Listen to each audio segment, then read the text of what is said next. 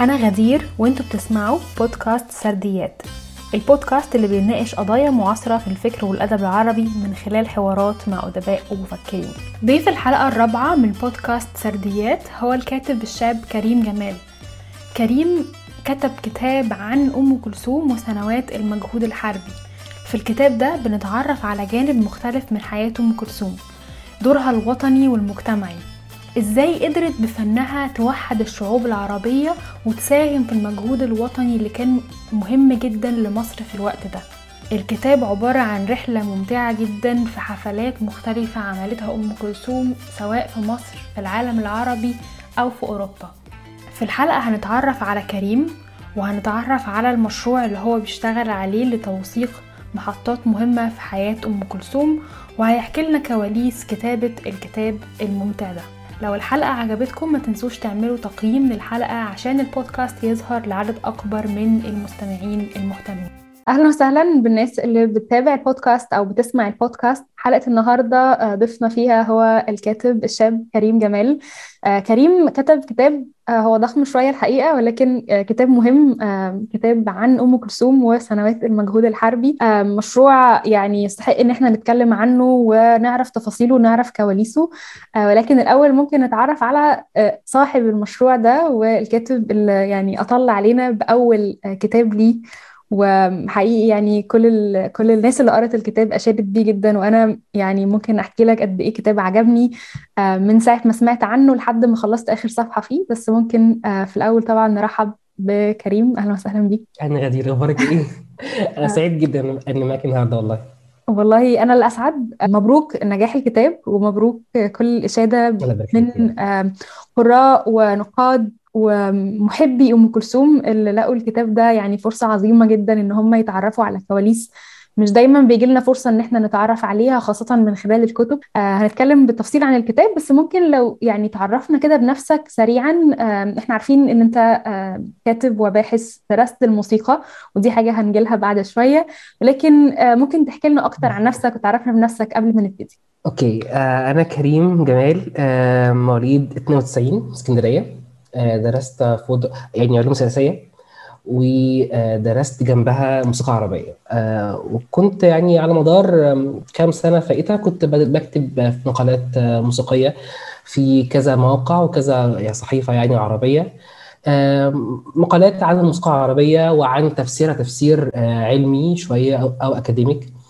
ومقالات عن يعني برضو يعني يعني الحصول على معلومات فيها دقة شوية فيما يخص تاريخ الاسطوانات التسجيلات حفلات. يعني محاولة توثيق ومحاولة برضو تقديم رؤية موسيقية أكتر للأغاني العربية. أنا كمان درست علوم سياسية أنت كنت في جامعة القاهرة. أنا عارف ده. أنا في اسكندرية. okay okay. أهلا وسهلا. دايما بنحاز لأي حد يعني درس علوم سياسية. بحس إنه في كده مهارات مخ يعني معينة بتفضل مع شخص ايا كان المسار اللي هياخده في الحياة يعني. آه وانت أخدت اتجاه الموسيقى ولكن أظن إن أنت دمجت ده بشكل ما آه وافادني جدا كمان أوه. يعني يعني أوه. كمان مهارات البحث عموما كانت مهمة جدا م. في كتاب وفكرة برضو ربط التاريخ السياسي بال, بال بالكتاب بالفن ده كان بالنسبة لي حتى المشروع الأولاني خالص يعني يعني كان ده الرؤية الأولى خالص قبل ما الكتاب ياخد الشكل دوت في النهاية. طيب ممكن تحكي لنا بقى عن بداية اهتمامك كده وبحثك عن أم كلثوم والفترة دي بالتحديد اللي أنت كتبت عنها الكتاب إزاي جت الفكرة؟ آه وممكن نقول كده ليه أم كلثوم؟ مع إنه يعني آه صعب إن أنت تسأل أي حد مصري أو عربي ليه بيحب أم كلثوم ولكن خلينا نبتدي من الأول خالص. آه مش بس حبك لأم كلثوم ولكن اهتمامك البحثي وشغفك إن أنت تعرف أكتر عن آه مرحلة مهمة في حياتها المهنية. بالنسبة لي حبي اول خالص للموسيقى هو كان أساسا أصله حب أم كلثوم. يعني أنا حبيت أساسا المزيكا وحتى درست الموسيقى العربية بشكل يعني علمي عشان خاطر أترجم دوت في عزف أغاني أم كلثوم اللي بسمعها حتى لو بيني وبين نفسي مش حتى يعني عزف بشكل احترافي أكتر أو حتى يعني جماهيري.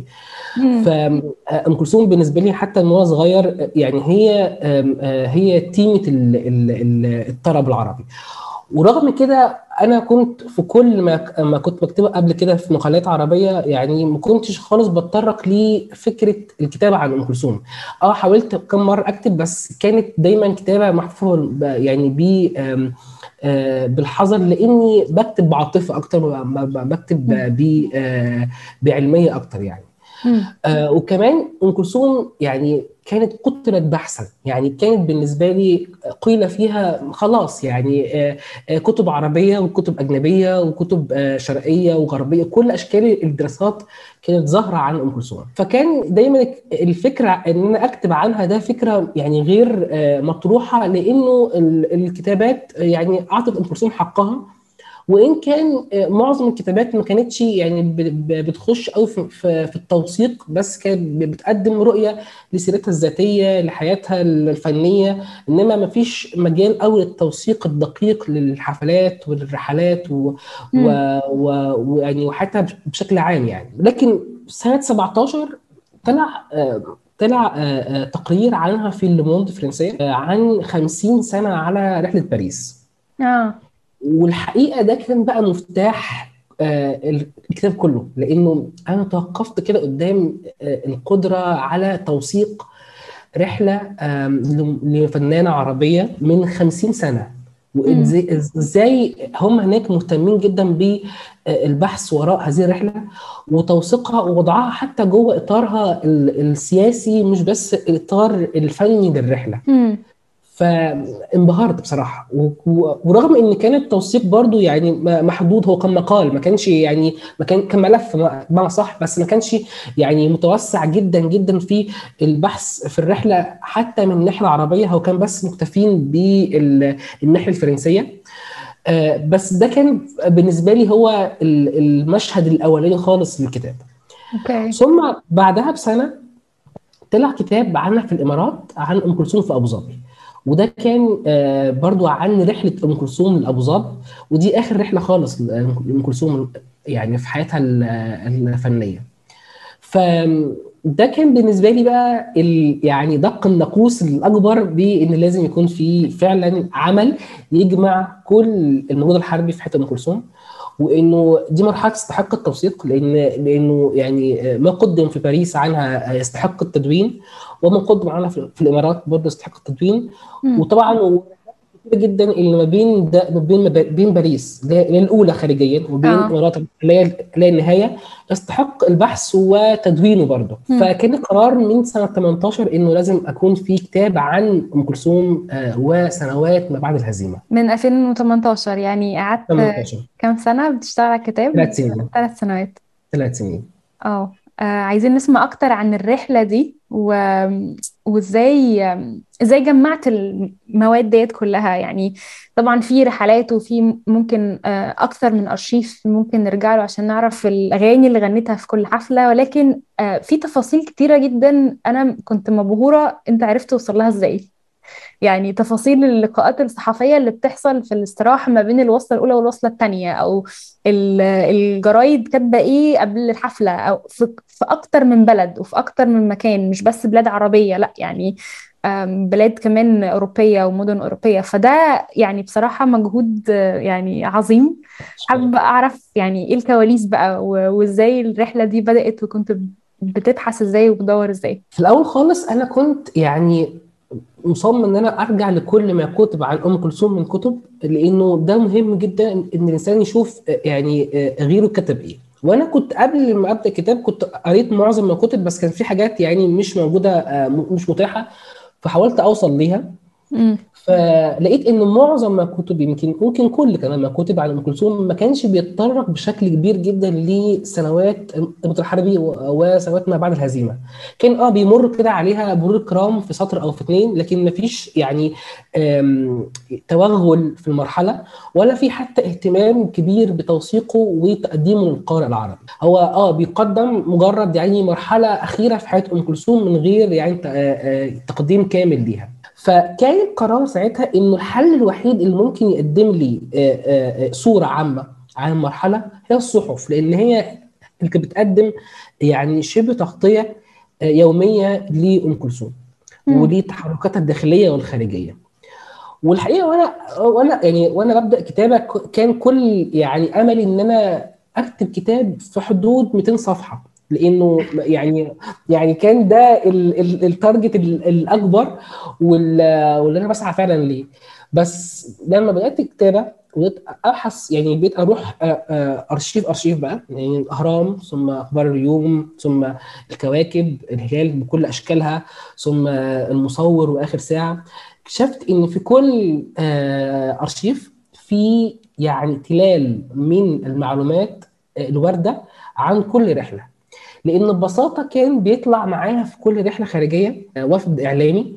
مكون بقى من صحفيين ومن إذاعيين ومن تلفزيونيين وبيقدموا تغطية خاصة بيهم فكل صحفي بيكتب الرحلة كما رآها أو يذكر مشهد آه، عاشه مع أم كلثوم في الرحلة. فكان ده بالنسبة لي تفاصيل صغيرة ممكن تكون في الآخر مشهد آه، آه، كامل للرحلة للحفلة يعني لأي شيء تخص هذه السنوات. ومع الوقت بدأت يعني يتراكم عندي المعلومات. يعني لما أخلص مثلا الأهرام واجمع واحط جنب كده آخر ساعة أو المصور أو الكواكب ألاقي إن الصورة بتكتمل الصورة بتكبر. مم. آه لو في يوم ناقص في أرشيف بيعوضه وهكذا. فالتفاصيل اللي كانت واردة في الصحف كانت بصراحة عاملة لي إغراء إن أنا إزاي يعني يعني أتنازل وما أضيفش هذه المعلومات. حتى لو الكتاب حجمه كبر شوية وبقى ضخم حبتين لكن ده لا يعني اطلاقا إن الصورة هنا آه، آه، هتكون آه، مملة للقارئ. ربما تكون بتكمل له أكتر المشاهد وت- وتخليه حاسس أكتر بتفاصيل الرحلة وشايف آه، الجمهور وشايف أم كلثوم وشايف آه، التفاعل السياسي وال- وال- والجماهيري آه، وعايش أجواء الرحلة. بالظبط ف- بصراحة يعني أنا كنت حاسة في كل في كل فصل من فصول الكتاب إن أنا بحضر الحفلة اللي أنت بتحكي عنها من كتر ما حقيقي كل التفاصيل الصغيرة مذكورة بشكل يعني مش بس إنها مذكورة لأنها موجودة في الأرشيف بس كمان دي نقطة مهمة جدا. هي مكتوبة بأسلوب أدبي وأسلوب شيق. يعني آه، في النهاية ممكن يبقى الأخبار والجرايد بتوصل لنا إيه اللي بيحصل بس إن أنت تنقل ده بأسلوب أدبي آه، يشد القارئ ويخليه يبقى في الأول حتى لو هو متردد من حجم الكتاب بس أول ما يبدأ يقراه هيحس إن هو مستمتع بالرحلة ومستمتع بالتفاصيل بسبب الأسلوب بتاع الكتابة مش بس ال- المواد الموجودة لكن حقيقي أسلوب الكتابة كان ممتع جدا جدا خلال القراءة. هو ده حصل على فكرة بدون وعي اطلاقا. يعني يعني أنا وأنا بكتب أنا ما كنتش ما كنتش مدرك قوي إن أنا بعمل آه، عمل أقرب لي آه، ال- النص الروائي أكتر من كونه نص آه، آه، تاريخي. يعني آه. هي يعني التفاصيل اللي موجودة في في الكتاب هي آه، توحي أكتر بإن هو رواية. خصوصا برضه لو اخذنا الفصول كأعمال مستقلة. يعني كل فصل يوحي بإن هو عمل سردي مستقل بنفسه عن عن غيره. وانها قصة مش مش تاريخ أكتر يعني. لكن طبعا ده الك- يعني يعني كان ال- الغرض برضو في مقدمه الكتابه إن أنا أقول إن كل ما في الكتاب من تفاصيل هي أحداث تاريخية حقيقية عشان خاطر القارئ يكون عارف من الأول إن دي مش رواية اطلاقا وإن آه التفاصيل ديت هي تفاصيل حقيقية واردة عند الصحف وعند ال- ال- الصحفيين اللي تابعوا أم كلثوم في هذه المرحلة. فكان مهم برضو إن أنا أوضح للقارئ من البداية إن أنا بكتب عمل آه، تاريخي وإن الورد ده كله هو ليه أصول تاريخية وليه مرجعية تاريخية عموما في في صحف آه، عربية. أنا كمان حابة أحييك على اختيار الصور لأنه آه، في صور كتيرة جدا أول مرة نشوفها. يعني في صور لأم كلثوم في حفلات مختلفة موجودة بنشوفها على الإنترنت بيتم إعادة نشرها باستمرار بس أغلب الصور اللي في الكتاب حقيقي أول مرة نشوفها ويعني ألبوم الصور ده لوحده قصة كبيرة. آه، وكل كل فصل له له الصور بتاعته. دي حاجة بتعيشنا بقى زي ما كنا بنقول في أجواء الحفلة بعد كل فصل. فدي كمان حاجة يعني مش مش في نهاية الكتاب وخلاص لأ يعني كل كل فصل كأنه مستقل بذاته ليه الأجواء بتاعته صحيح ليه صحيح. ليه كل العالم بتاعه. بالظبط. أنا كان ده هدفي من الأول خالص إن أنا أنا يعني قلت إن لازم يتحط الصور آه، ورا الفصل عشان خاطر القارئ وهو بيقفل الفصل يشوف اللي هو قراه. يعني يحاول إن هو يتخيل اللي هو قراه من خلال آه، يشوف صورة أم كلثوم صورة فستانها ش- شكل الجماهير آه، الأحداث اللي حصلت في الرحلة آه، يشوفها لو فيها ليها صورة. فكان بصراحة يعني موضوع الصور ده مهم جدا بصريا للقارئ جدا. والحقيقة كمان يعني حصل مساعدات كبيرة جدا من الخرسوميين بقى العرب يعني في آه. كده يعني شبكة شبكة مترابطة ومتحبة من الكلثوميين في من من موريتانيا للبحرين. فكل آه، يعني حد كنت بيمتلك صور تخص رحلات ما بعد آه، 67 كان بيقدمها بطيب خاطر. يعني يكون مهمة جدا بالنسبة لي إن القارئ يكون شايف ال- الرحلة بصرية قدام منه كمان. إيه أكتر المعلومات أو التفاصيل عن الحفلات كانت فيها مفاجأة ليك؟ يعني ما كنتش تعرف مثلا تفصيلة أو حاجة كانت مفاجأة غريبة إن إحنا نتعرف عليها يعني خلال رحلة بحثك؟ الكتاب عموما كله يعني رحلات أو معظمه رحلات الخارجية لأم كلثوم. وأنا آه كنت عارف أنا قبل ما آه، ابدا الكتاب كنت عارف آه، كل الرحلات التاريخية. يعني عارف هي عملت رحلة للمغرب وتونس وهكذا يعني لحد آخر حفلة. الفصل الوحيد اللي فوجئت فعلا بكتابته هو فصل طنطا. آه، اللي هو كان ام مهجرين في طنطا. آه، الفصل دوت هو بيت- بيت- مش بيتكلم عن ام كلثوم اللي بتقدم يعني مجهود حربي هو بيتكلم عن ام كلثوم بتقدم مجهود نبيل وإنساني. يعني ده كان آه. بالنسبة لي آه، متوقف قدام منه لأن هي مجهودها هنا مش خالص مش رايح لدعم الدولة المصرية. هي مجهودها رايح لدعم فئة من المصريين هجروا بعد 67 وتركوا مدنهم وقعدوا في معسكرات آه، آه، تهجير. في الغربية وفي الشرقية وفي كل مدن يعني بحري. وكان بالنسبة لها ده عمل واجب آه، وإنساني وإنه المهجرين ما لهمش خالص أي ذنب في اللي حصل في حرب النكسة. فده كان بالنسبة لي بقى تفاصيل البحث وراء دور أم كلثوم مع المهجرين. ده كان بالنسبة لي مفاجأة كبيرة جدا. واكتشاف جانب آخر في حياة أم كلثوم جانب أكتر إنسانية يعني جانب نبيل وما كانش حتى جانب معلن. يعني معظم ما ما ما اكتشفته من هذه المعلومات في هذا الفصل كانت من خلال رسائلها ما بينها وبين الحكومة مش من خلال الصحف. ف آه وهي شيء خاص ما كانش شيء يعني ما كانش شيء آه، معلن في الصحف. ومتحفة في القاهرة في المانيال يعني في بعض هذه الرسائل. ف... فكان ده بالنسبة لي مفاجاه شيء إنساني جدا جدا وشيء عظيم وللأسف لم يسجل اطلاقا ولم يعني يعني يلقى عليه الضوء آه خالص. يعني كنشاط في المجتمع المدني أو نشاط مجتمعي هي حابة تخدم بيه المجتمع ممكن تبقى هي بالن- بالنسبة لها بتعمل ده بدافع إنساني عشان كده ما تمش تسليط الضوء دي عليه. حقيقة دي آه، حقيقة دي حقيقة فعلا صحيح. وكمان برضو إن هي كانت حاسة إنه إنه يعني هي أم كلثوم أصلا ريفية. يعني هي آه. بنت ريف وهي كانت طول عمرها معتزة جدا بأخلاق الريف. ف فأعتقد إن هي كان عندها يعني آه، آه، آه، يعني قناعة داخلية إنه ده واجب إنه ما يكونش فيه عنه إعلان اطلاقا. يعني مم. أوكي هتعلن عن دورها الوطني والسياسي بعد الهزيمة لكن دورها الإنساني مع أطفال المهجرين مع بنات المهجرين ده ما يصحش يعني. هي مش بتعمل ده لل- للدعاية مش أو بالظبط خالص. بالظبط. يعني هي بتعمل ده بدافع إنساني ك يعني سيدة ريفية زي ما أنت كنت بتقول. أظن كان في واحد من البوسترات لفت نظري في فكرة إن هي مش فاكرة الجملة كانت مكتوبة كان إزاي زجل زجل اطلعوا يلي في طبعك الفلاحين أو حاجة آه بالظبط. الفلاحين حاجة كده. أيوه مظبوط صحيح. آه، لفت نظري يعني. وده كان مبكر جدا بالمناسبة. يعني ده كان في عام النكسة. يعني ده آه. بعد شهرين من النكسة تم نشره في الكواكب. مم. فحتى ده كان ظاهر حتى يعني آه، مبكرا جدا في التعامل مع مع مع الأزمة عموما كلها. مم. أنا بصراحة أكتر حاجة كانت مفاجأة بالنسبة لي وما كنتش أعرفها إن هي فكرت للحظة في الاعتزال. يعني أنا مم. يعني ما كنتش مرتين على فكرة. إمتى كانت المرة الثانية؟ المرة الأولى كانت في آه، الهزيمة.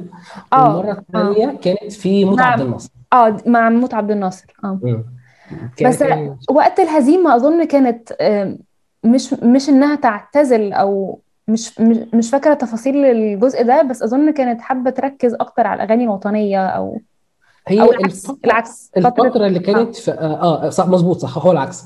الفترة بتاعت آه ما بعد يونيو يعني كانت هي قعدت أسبوعين حوالي في البدروم بتفكر يعني كان جزء من التفكير هو الاعتزال. لأنه الهزيمة كانت شيء يعني قاسي جدا عليها. وهي حست إن هي كانت جزء من الصورة التعبوية بتاعه ما قبل 67 يعني آه. كانت حاسة إن هي شاركت بده. طبعا هي يعني كغيرها يعني يعني تم يعني خداعهم بشكل أو بآخر أو حتى يعني تهويل الموقف تجاههم ولقائها مع المشير عامر يعني يشهد على هذا. بس آه هي كانت حاسة إن هي جزء من الموضوع وإنه رجوعها تاني للمشهد لابد إن يكون آه رجوع آه يكون فيه إضافة ويكون فيه رغبة في تصليح الخطأ اللي حصل.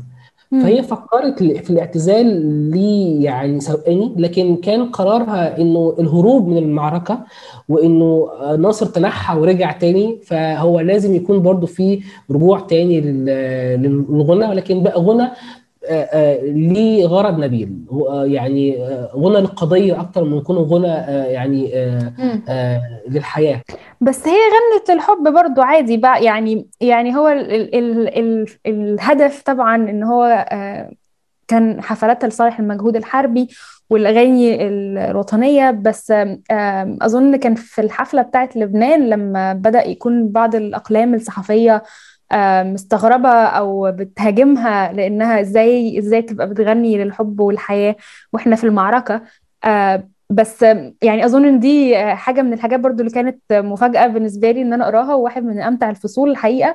بس أظن إن ده برضو مهم. يعني هي يمكن كان عندها وجهة نظر في ده بس هو في النهاية حياة يعني الحياة مستمرة حتى لو في معركة وهي كانت بتعمل دور وطني من خلال حفلاتها لصالح المجهود الحربي بس في نفس الوقت مش هنقعد نبكي على اللي حصل. وبس نغني للوطن. بس يعني مش عارفة إيه رأيك في في النقطة دي واختيارها للأغاني في المرحلة دي كان عامل إزاي؟ أنا شايف إنه هي هي فنانة. هي ما هيش مقاتلة ولا هي جندي في معركة ولا هي سياسية أصلا. هي م. ست فنانة وما تملكش حاجة في الحياة غير جماهيرها وصوتها. فهي استغلت ده في إنها تكون مع القضية. يعني هي مش مطلوب منها إنك تكون مطربة أغاني وطنية فقط لا غير بالمناسبه أغاني أم كلثوم أصلا الوطنية أغاني أقرب للمعلقات والأناشيد يعني هي مش أغاني شعبوية قوي زي الأغاني مثلا بتاعت حليم أو غيره آه. عن الثورة آه. هي أغانيها أكتر أغاني طربية وأغاني ما فيهاش الشعبوية والانتشار اللي كان عند غيرها يعني. وهي كانت مقتنعة بكده وشايفة إن ده النموذج الأمثل للغناء الوطني يعني. فهي كانت دورها إن هي يعني تعيد تاني للناس الأمل في الحياة. وتقول إن إحنا ما هزمناش هي جولة ويكون في غرض نبيل من حضور الناس للحفلات ديت.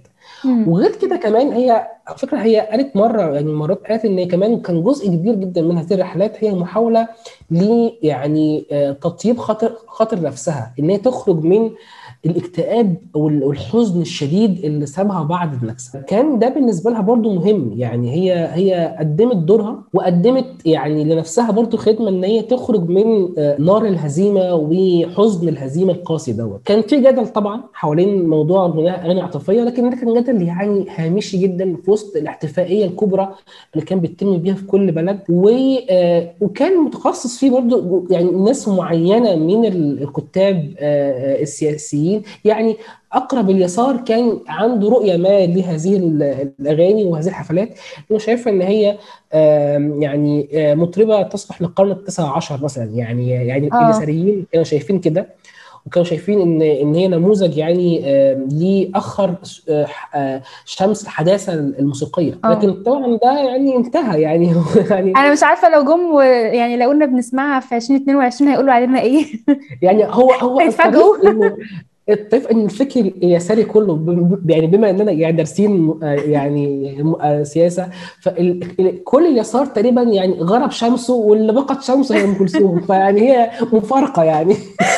لا يعني حقيقي أنا كنت مستغربة إنه يعني طبعا أكيد كان في بعض الناس بتهاجمها في أوقات مختلفة بس كنت مستغربة إنه يكون في هجوم ليها بالتحديد في الوقت ده. آه، خاصة مع الدور الكبير اللي هي كانت بتعمله في المجهود الحربي وإنها شايلة يعني آه، قضية آه، يعني قضية مصر وحربها على كتافها والجانب السياسي حاضر جدا في فنها حتى لو هي مش بتغني لمصر ومش بتغني مم. للقضية بس مجرد آه، وجودها في آه، يعني مجرد إنها من خلال فنها بتعبر عن بلدها سواء جوه مصر أو بره مصر والتعامل معاها خارج مصر على إن هي يعني آه، شخصية سياسية بشكل ما. بتروح حتى بتعمل زيارات في البلاد اللي بتروحها خاصة البلاد العربية بتعمل زيارات لأماكن مختلفة مستشفى اللي راحت زارتها في السودان مثلا. يعني بتحس إنه التعامل معاها وكأنها آم، شخصية رمز مش بس كده. بالظبط بالظبط. هو كمان على فكرة يعني هو آه، لما صار آه، في حفلة باريس والسفير المصري ما راحش يستقبلها في المطار ورجعت آه، وقالت ده عبد الناصر وبتاع. آه، كان القرار من القيادة السياسية إنه لا هو هيتم تتويج هذه الرحلات بشكل رسمي أكتر يعني هيكون في جواز سفر دبلوماسي. هيمنح ليها هيلزم ال- الجانب الآخر سواء بقى يعني يعني حكومة دولة أخرى أو سفرائنا في في الدول العربية إن يكون. في استقبال رسمي وحفاوة رسمية من أول يوم لآخر يوم لأم كلثوم باعتبارها رمز. وباعتبارها هي مندوبة مصر اللي جاية في هذه ال- يعني في هذه الأيام.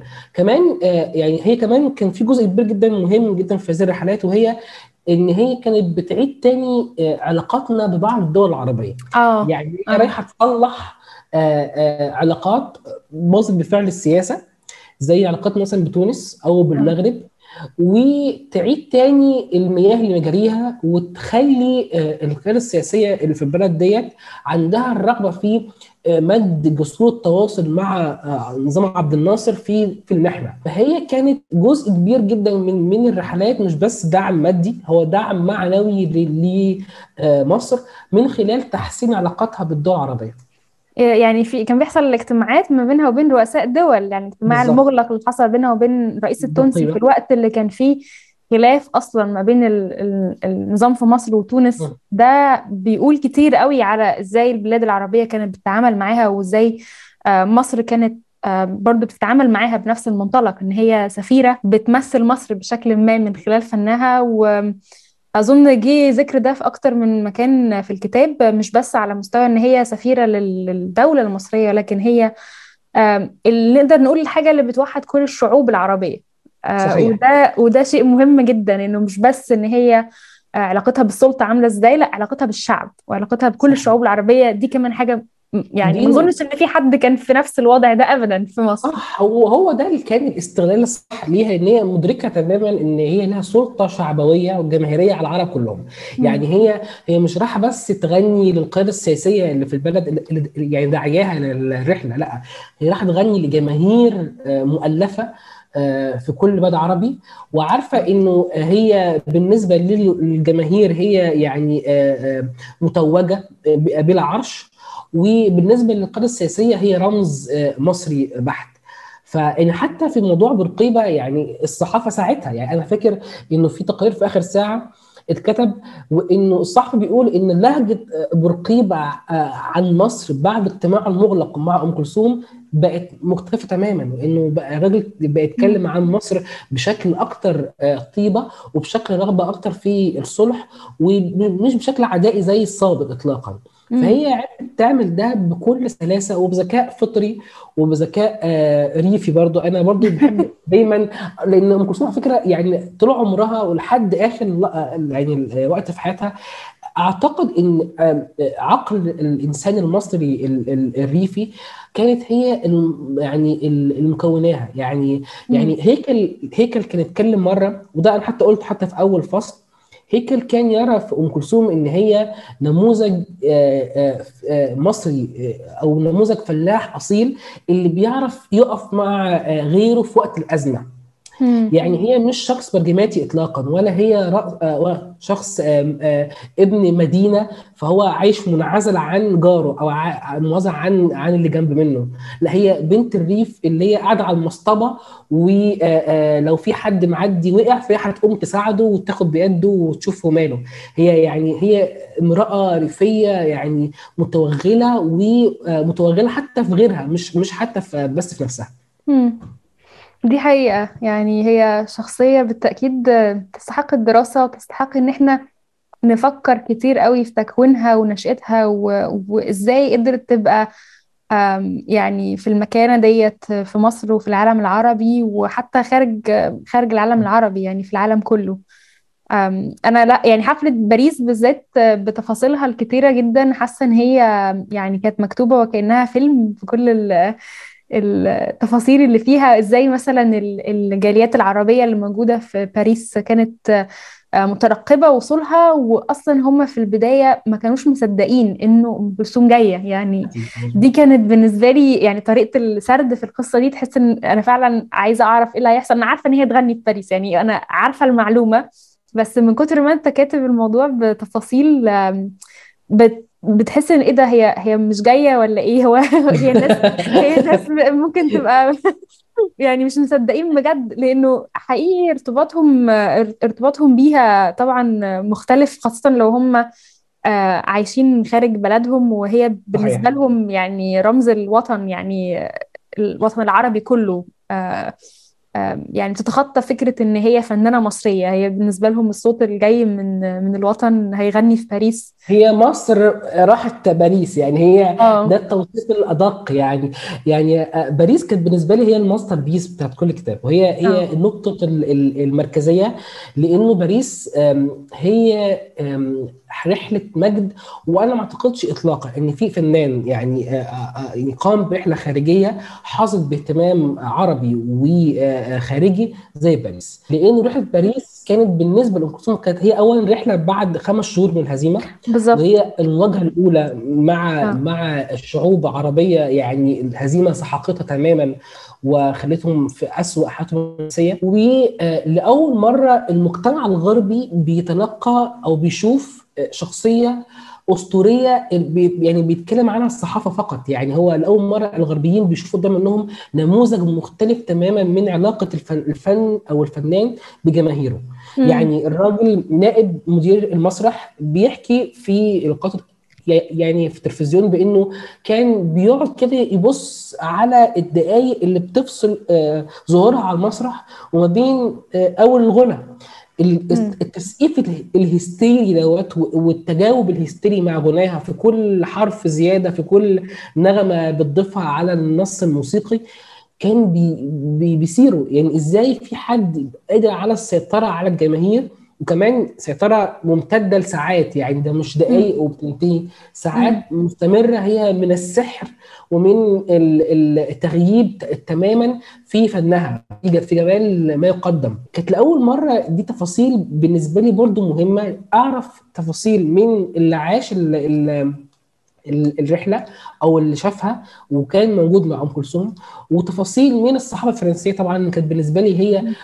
صورة أخرى أو جانب آخر من آه، من الرؤية وكمان آه، تفاصيل لصاحب المسرح ونائبه والعاملين فيه لأن ده برضو بيدينا يعني جانب ثالث من تفسير المشهد كله. فباريس كانت بالنسبة لي هي أهم رحلة وأحب رحلة لقلبي بصراحة. يعني أنا لما بحب أسمع يعني تسجيلات معينة من من الكتاب بسمع حاجات باريس أكتر آه.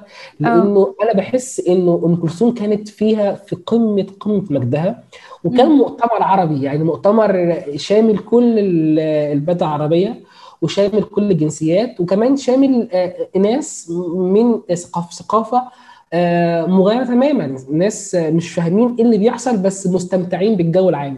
وطبقات اجتماعية مختلفة يعني ملوك ووزراء وأمراء وفي نفس الوقت عاملين يعني بيجمعوا عشان يجيبوا التذكرة اللي ممكن تبقى بقد يعني مرتبهم شهر كامل عشان بس حقيقة ففي في جزء كمان ليه علاقة بال بالطبقات الاجتماعية وإزاي كلها متفقة على على حاجة وكلها بتحضر حدث واحد. في جزء باريس برضه في جزء مهم قوي. يعني لا يعني مش قادر أنسى شخص ما حضر الحفلة آه، هو كان اسمه وسام أنا فاكر. وهو آه، شخص آه، مغربي. وكان في برنامج تلفزيوني تم عرضه في قناة فرنسيه الخامسة. كان بيقول نصا إنه إنه الرحلة أو إن أو حفلة باريس يعني أزالت من حلقه مراره الهزيمة. إن هي خلته يمشي تاني في شوارع فرنسا مرفوع الرأس. فدي كانت بالنسبة لي يعني شيء كبير جدا لأنه لأنه آه، لو إحنا خدنا الرحله في سياقها التاريخي هنفهم قد إيه كانت مهمة جدا ل آه، آه، لأشخاص عاشوا الهزيمة في مجتمع غربي إنه يحس إن هم ما ماتوش إن دي مجرد مرحلة هتنتهي وانهم ما زالوا عايشين وبيغنوا وبيقدموا كمان يعني فن وكمان فن من أجل المعركة. والحوار بتاعها كمان اللي عملته في باريس مع ال- الإعلامية. سلوى حجازي وهي بتسألها عن أكتر الحاجات اللي حبيتها في باريس تقول لها المسلة المصرية يعني دي حاجة ما حدش والله أنا والله هيقول كده غير أم كلثوم يعني. أنا وأنا بشوف ال- اللقاء يعني لثواني كده مر في خيالي كل ال- ال- الجمال اللي في باريس. يعني مر في خيالي كل الأماكن اللي ممكن تكون جميلة في باريس. آه. آه، مباني عظيمة. لكن أنا فوجئت بإنها قالت قالت المسله يعني ذكاء ذكاء غير طبيعي آه. وذكاء وسرعه بديهة كمان يعني تلقائية بشكل كبير جدا. لا وفي كمان حاجة تانية لما مدير المسرح مسرح أولمبيا آه، أول ما عرف إن هي بس هتغني ثلاث أغاني وكان حرام مصدوم. جدا. الراجل ده يعني كان هيجي له يعني شلل أو هيجي له جلطة من ال... ال... ال- التعامل الكلثومي كمان يعني هو يعني الراجل آه من قبل حتى ال- الرحلة هو بيتلقى يعني كمية ضربات منها قاتلة بس في الآخر أدرك يعني إن هو قدام يعني كيان مرعب بس هو شافها تاني في لبنان أظن راح لها راح لها بعلبك بس طبعا الرحلة يعني يعني هو كان في مشروع آه يعني تعيد تاني حفلة في في باريس وكان في مشروع برضه في حفلة في اربت هول في إنجلترا. بس ما حصلش طبعا لأنه كان يعني البرنامج حافل وهي كانت حابة إن هي توسع أكتر ال- ال- التجول العربي لأنه هو غرضه أهم وأكبر من من من باريس بقى بعد بعد أول مرة خلاص. يعني هي امم إن أول مرة كانت كفاية. بس بعد كده خلاص بقى الاهم الأولوية للتجوال العربي. آه. أنا عندي سؤال تاني مرتبط بدراستك للموسيقى وإزاي في تفاصيل بقى كل حفلة غنت الأغنية إزاي والتغييرات اللي بتعملها في الأغنية في كل حفلة؟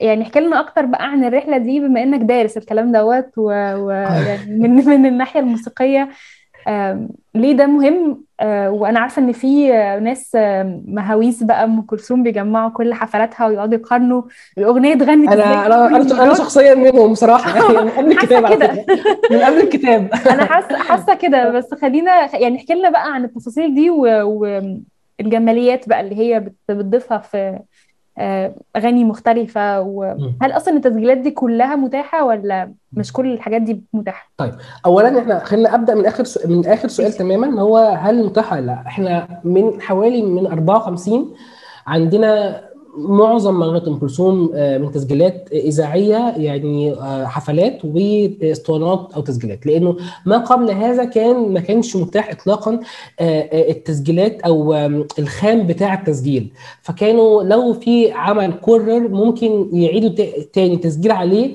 عمل آخر. وطبعا ده أفقدنا يعني معظم التسجيلات آه، اللي كانت ليها في الأربعينات وما قبل هذا ودي على فكرة يعني أعمال عظيمة جدا وكان صوتها صوتها كان في قمة قمة بقى يعني آه، رونقه يعني. آه، لكن بعد 54 كله عندنا متاح بالنسبة بقى للفائده الموسيقية أو فائده ال- الوعي الموسيقى عموما في فهم أم كلثوم. أم كلثوم مش مطربة اطلاقا لا أسطوانة ولا مطربة تسجيل استوديو ولا ولا حتى التسجيل حتى حفلة ممنتج، أم كلثوم مطربة تسجيل حفلة كاملة تسمعيها من ال- المذيع لحد ختام المذيع. لأن طول ما إحنا ماشيين في في التسجيل في في الحفلة إحنا بنفاجئ بلحن آخر بيتم صياغته فوريا وعلى الهواء مباشرة من شخصية تبلغ من العمر 70 سنة. يعني هي كان عندها ذاكرة نغمية. ده بقى من طفولتها من الموالد من الغناء في في القرى في النجوع من الإنشاد. وبرده لأن الإنشاد الديني اللي كان اللي كانت يعني أول حياتها يعني بادئه بيه الانشاد مش مش ملحن ده بيكون بشكل مرتجل هو وتلاوه القرآن بيكون شكل ارتجالي مش بشكل آه، يعني موضوع للحن مسبقا. إلا في بعض إلا في بعض الحاجات المعينه يعني. لكن في معظمه هو ارتجال. فهي ظلت طول عمرها في كل حفلة في كل في كل مواجهة مع الجمهور هي بتستغل دوت في إن هي دايما تلاقي منفذ للارتجال. فتطلع بره اللحن وتقدم بقى صورة مختلفة تماما للأغنية مم. عشان كده بنلاقي مثلا إن في حفلة مثلا يعني لأطلال الأغنية الأكثر آه، آه، يعني ارتباطا بأعوام ما بعد الهزيمة مم. هنلاقي إنه في تسجيلات مثلا في باريس أو تسجيلات في المغرب آه، هنلاقي تسجيل مدته ساعة واحد تاني 80 دقيقة واحد يعني 90 دقيقة الاختلافات ديت هي تكرار ومع التكرار بيحصل تنوع أو اختلاف أو حتى ارتجال نغمي. يعني وحتى ارتجال كلامي ممكن يحصل. يعني ممكن تغير بيت شعر أو تغير آه، آه، جملة في في في في الاغنيه يعني مثلا آخر حفلة خالص ليها. هي كانت بتغني القلب ش- كل جميل وفيها جزئية بتقول فيها يا رب توعدهم يا رب اتي رب وانصرنا يا رب. ديت آه، كانت بالنسبة لي أنا كمان يعني غير إنه ارتجال أو يعني حاجة لحظية مهمة هي كانت آخر حفلة وكانت بالنسبة لي هي أفضل تلخيص لسنينها بعد النكسة إن هي يعني ختمت حياتها المسرحية بالدعاء لمصر ثم اسدل الستار وانتهى الأمر على كده. فهي كانت برضو يعني عندها القدرة على تلوين غناها وتقديمه بشكل مختلف وجديد بشكل لحظي وطبعا دراسة الموسيقى يعني كانت مخلياني فاهم هي رايحة فين وراجعة منين يعني يعني هي. برضو عملية ال- الانتقال المقامي دي عملية صعبة حبتين وبتحتاج حرفية شديدة جدا وذكاء من المطرب ووعي منه بالمقامات العربية. فكون آه. إن هو هيطلع بره المقام ويرتجل لازم عليه يكون عارف هو إزاي هيرجع تاني للأصل اللي بيقدمه. عشان كده يعني يمكن هي المطربة الوحيدة اللي عندها تمرد على يعني ذل الميكروفون لأن هي هي مش هاممها خالص الميكروفون خالص ولا هاممها حتى إن ارتجال ده ارتجال مذاع على الهواء مباشرة. يعني هي مفيش خطأ مفيش عادة خطأ بيحصل فيه رجوع تاني لأصل الأغنية. فده كان بالنسبة لي مهم عشان أفهم يعني سياقاتها. وأنا كنت مهتم جدا برضو بتدوين كل تسجيل المدة بتاعته قد إيه أو كل يعني حفلة غنت فيها أغاني إيه؟ وكل تسجيل كان في قد إيه زمنيا عشان خاطر ده كان بالنسبة لي مهم في حفظ هذه الرحلات. لا حقيقي يعني باين جدا ال- المجهود والبحث والخبرة الموسيقية شكرا آه والبحث الموسيقي كمان يعني واضح في تفاصيل ال- الفصول بتاعة الكتاب وكل حفلة عملت إيه وغيرت إيه وكنت سعيدة كمان بإن أنت كاتب كتبت لنا الأغاني اللي هي غنتها في كل الحفلات اللي أنت ذكرتها بحيث لو حد عايز يرجع لحفلة معينة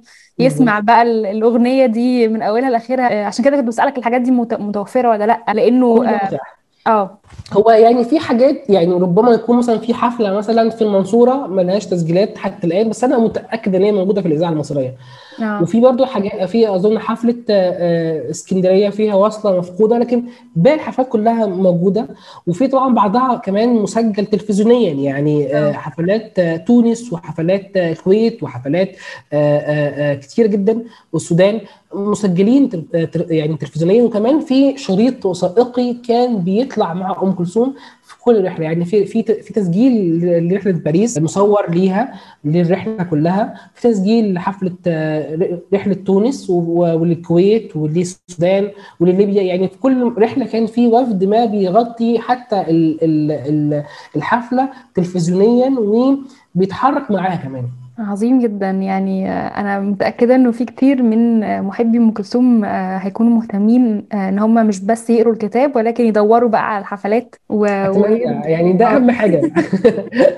يعني حقيقي يعني تجربة ملهمة ومهمة. وحابة أسألك بقى إيه المشاريع اللي جاية؟ آه، لو ممكن تشاركنا تفاصيل اللي أنت بتفكر في إيه؟ طبعا. طبعا هو يعني أنا بصراحة برضو اللي حصل مع الكتاب كان مخلاني شوية مرتبك لأنه أنا كنت مدرك الكتاب هيعمل شوية صدى عند الكلثوميين عموما لكن. آه، يبدو الكتاب عمل صدى أوسع من كده شوية وخلى فيه البعض يعني يرى وجه آخر لأم كلثوم. آه. فأنا كنت قبل المخ... يعني أنا بعد ما خلصت الكتاب آه، كان قراري إن أنا هعمل حاجة تكون برضو متعلقة بالتوثيق وتتعلق برضو بتوثيق جزء آخر في حياة أم كلثوم لأن أنا بالنسبة لي لم يفرغ القول عنها اطلاقا. يعني هي هي هي تستحق الدعبسة أكتر. كمان في حاجة في حاجات كتيرة كانت في في, العمل أو في أو في الرحلة كانت أنا كنت بشيلها على جنب لأن هي ملهاش سياق جوه الكتاب. كنت بقول دي لعمل آخر. فالعمل الآخر هو هيكون أكثر موسيقية بقى مش من مش توثيقية. هيبقى عن العشر ألحان اللي قدمهم عبد الوهاب لأم كلثوم. آه، بدءا من أنت عمري يا سلام. بليلة حب. آه، من حيث توثيقهم من من الناحيه ال- ال- ال- التاريخية وتوثيق إزاي تم اللقاء وإزاي حصلت ال- ال- الأغنية وظروفها. ثم التعامل بقى وتحليل الأغنية موسيقيا واداء مم. وأدائها وبرضه أرشفت كل أغنية بحفلاتها المختلفة اللي برضه يعني تدي للقارئ الفرصة إن هو يسمع الحفلة آه، آه، الخاصة بكل أغنية دي حاجة عظيمة جدا وأنا متحمسة للفكرة يعني وحقيقي جداً. حقيقة يعني متأكدة إن هي هتطلع بنفس الجمال اللي إحنا شفنا فيه الكتاب دوت مش عارفة حاسة ليه إن أنا دلوقتي كده في فقرة فيما يطلبه المستمعون. حاسة إن أنا نفسي أقرأ حاجة عن علاقة بليغ حمدي بأم كلثوم. يعني أنا قريت. طبعا رواية بليغ الكاتب المميز جدا طلال فيصل. وكنت مستمتعة جدا بال... بالأجزاء اللي فيها علاقته و- وتعرفه على أم كلثوم لما قابلها لأول مرة لأن هو أظن هو أصغر حد يلحن لها صحيح مظبوط وأظن إن الألحان اللي كمان يعني ألحان عبد الوهاب طبعا وألحان بليغ بتهيألي إن هم دول أكتر ألحان الناس بتسمعهم دلوقتي مقارنة صحيح. بالألحان الأقدم شوية هو على فكرة في نقطه مهمه جدا ودي آه. يعني أنا عشان أكون كاعتراف أول بقى أنا شخص كلثومي حتى العظام يعني يعني أنا آه. محب أم كلثوم ومحب كمان لأم كلثوم في مراحل ال- الأولى. يعني من بدايه ظهورها لغاية مثلا أول الستينات أو حتى آخر الخمسينات أوكي. والحان عبد الوهاب والحان بليغ كانت بالنسبة لي هي ألحان آه، يعني بين قوسين وأسف على اللفظ يعني هي- ألحان فيها شوية خفة وشوية آه، مراهقة كده غنائية. ما هياش مش أم كلثوم بسلطانها الكامل. والفتوانة بتاعتها في الغنى. يعني يعني الكتاب بتاعي خلاني أتصالح على هذه السنوات والله بجد وخلاني أحس إنه لا هي كانت أم كلثوم كانت أذكى من الجميع هي أدركت إنه تعاملها مع عبد الوهاب ومع بليغ هو هيديها عمر فوق عمرها. وهيجذب ليها فئات جديدة جدا من من المستمعين وهيخليها أكثر آه، آه، انتشارا. وده حقيقه يعني يعني اللي بيسمع حاجة أم كلثوم بيسمع آه، أنت عمري بعيد عنك الحب كله حاجات اللي فيها استعراض موسيقي وفيها برضو يعني غنى. دي أكتر آه. حاجات عايشة حتى بالظبط. آه ممكن بعد كده مع الوقت يعني يحصل بقى توغل أكتر يسمع حاجات السنباطي وزكريا وغير بس بس. يظل ال- المفتاح أو الشباك الأول خالص هو بليغ وعبد الوهاب. آه. فهي كانت ذكية جدا وفاهمة جدا في فهم في في إنها تدير موهبتها وعارفة إيه ال- إيه ال- إيه اللي بيحتاجه ال- الج- الجمهور ومدركة إنه ده هيضيف ليها عمر على عمرها. فأنا آه. الكتاب بصراحة يعني صالحني تاني على هذه هذه السنوات. وخليني أشوف نفسي أنا كنت غلطان. دي لا لا هي مراهقة ولا هي خفة ولا حاجة بالعكس هي آه قد تكون فيها يعني صوتها كان ساعت- ساعتها طبعا يعني مش زي الأول كان طبعا يعني بعامل السن. آه وطبعا عامل المزيكا هو يعني طاغي شوية على يعني في العمل. لكن آه هي بالنسبة لي برضو هي تظل أم كلثوم. يعني حتى لو. قالت يا فجل آه يا أي حاجة هي برضو هتظل هي بتقول شيء أقرب للإعجاز. آه. طيب أنت قلت لنا اعتراف خطير دلوقتي. الكتاب إزاي خلاك حقيقة. تغير رأيك في بعض الأغاني بس حقيقي متحمسة لل... للمشروع بتاع ألحان عبد الوهاب لأنه فعلا ألحان مميزة جدا وألحان عايشة معانا حتى الآن وألحان عبد الوهاب عموما يعني بس كمان الحاجات اللي عملها لأم كلثوم كان فيها تألق مختلف. تألق وكان فيها يعني جهد مبذول من الطرفين. طبعا عبد آه. الوهاب كان بيلحن هنا لأم كلثوم فكان مش بيعمل مش هيعجبها أي حاجة فهي بالظبط كده. وهو عبد الوهاب برضه هو يعني هو الهرم آه. يعني الهرم الموازي لأم كلثوم يعني. آه. ف... فكان يعني آه، أعمال آه، هي بيسموها الشوامخ لأن هي فعلا يعني هي فعلا أعمال شامخة يعني من آه. كتر جمالها الغنائي وال- والموسيقي طيب آه عندي آه، سؤال أخير أو آه، سؤالين آه يعني أول حاجة ممكن تقول لنا إيه الكتب اللي أثرت فيك آه وأثرت في تكوينك سواء مرتبطة بالكتاب أو لأ؟ أنا بسأل السؤال ده لكل الضيوف لأنه آه مهم إن إحنا نتعرف على الكتب اللي بت بتكون الكاتب في مرحلة آه، تكوينه الثقافي وتكوينه الفكري سواء الحاجات دي هي اللي في الآخر قادتك إن أنت تكتب آه، كتاب زي كده أو آه، ألهمتك بشكل ما. آه، فلو ممكن ترشح لنا مجموعة حاجات. آه أنا بصي أنا هقول لك في يعني هقول لك عملين كانوا مهمين جدا أنا قريتهم وأنا بكتب الكتاب وكانوا بالنسبة لي إلهام. كنت بقول لنفسي أنا عاوز أكتب عمل يعني في جمال الكتاب دوت. وعمل آخر أنا بعتبره يعني كتاب مقدس آه، بالنسبة لي وهيفضل هو دايما على مكتبي دايما يعني. العمل ده هو هو الحرافيش يعني بصراحة يعني. طبعا.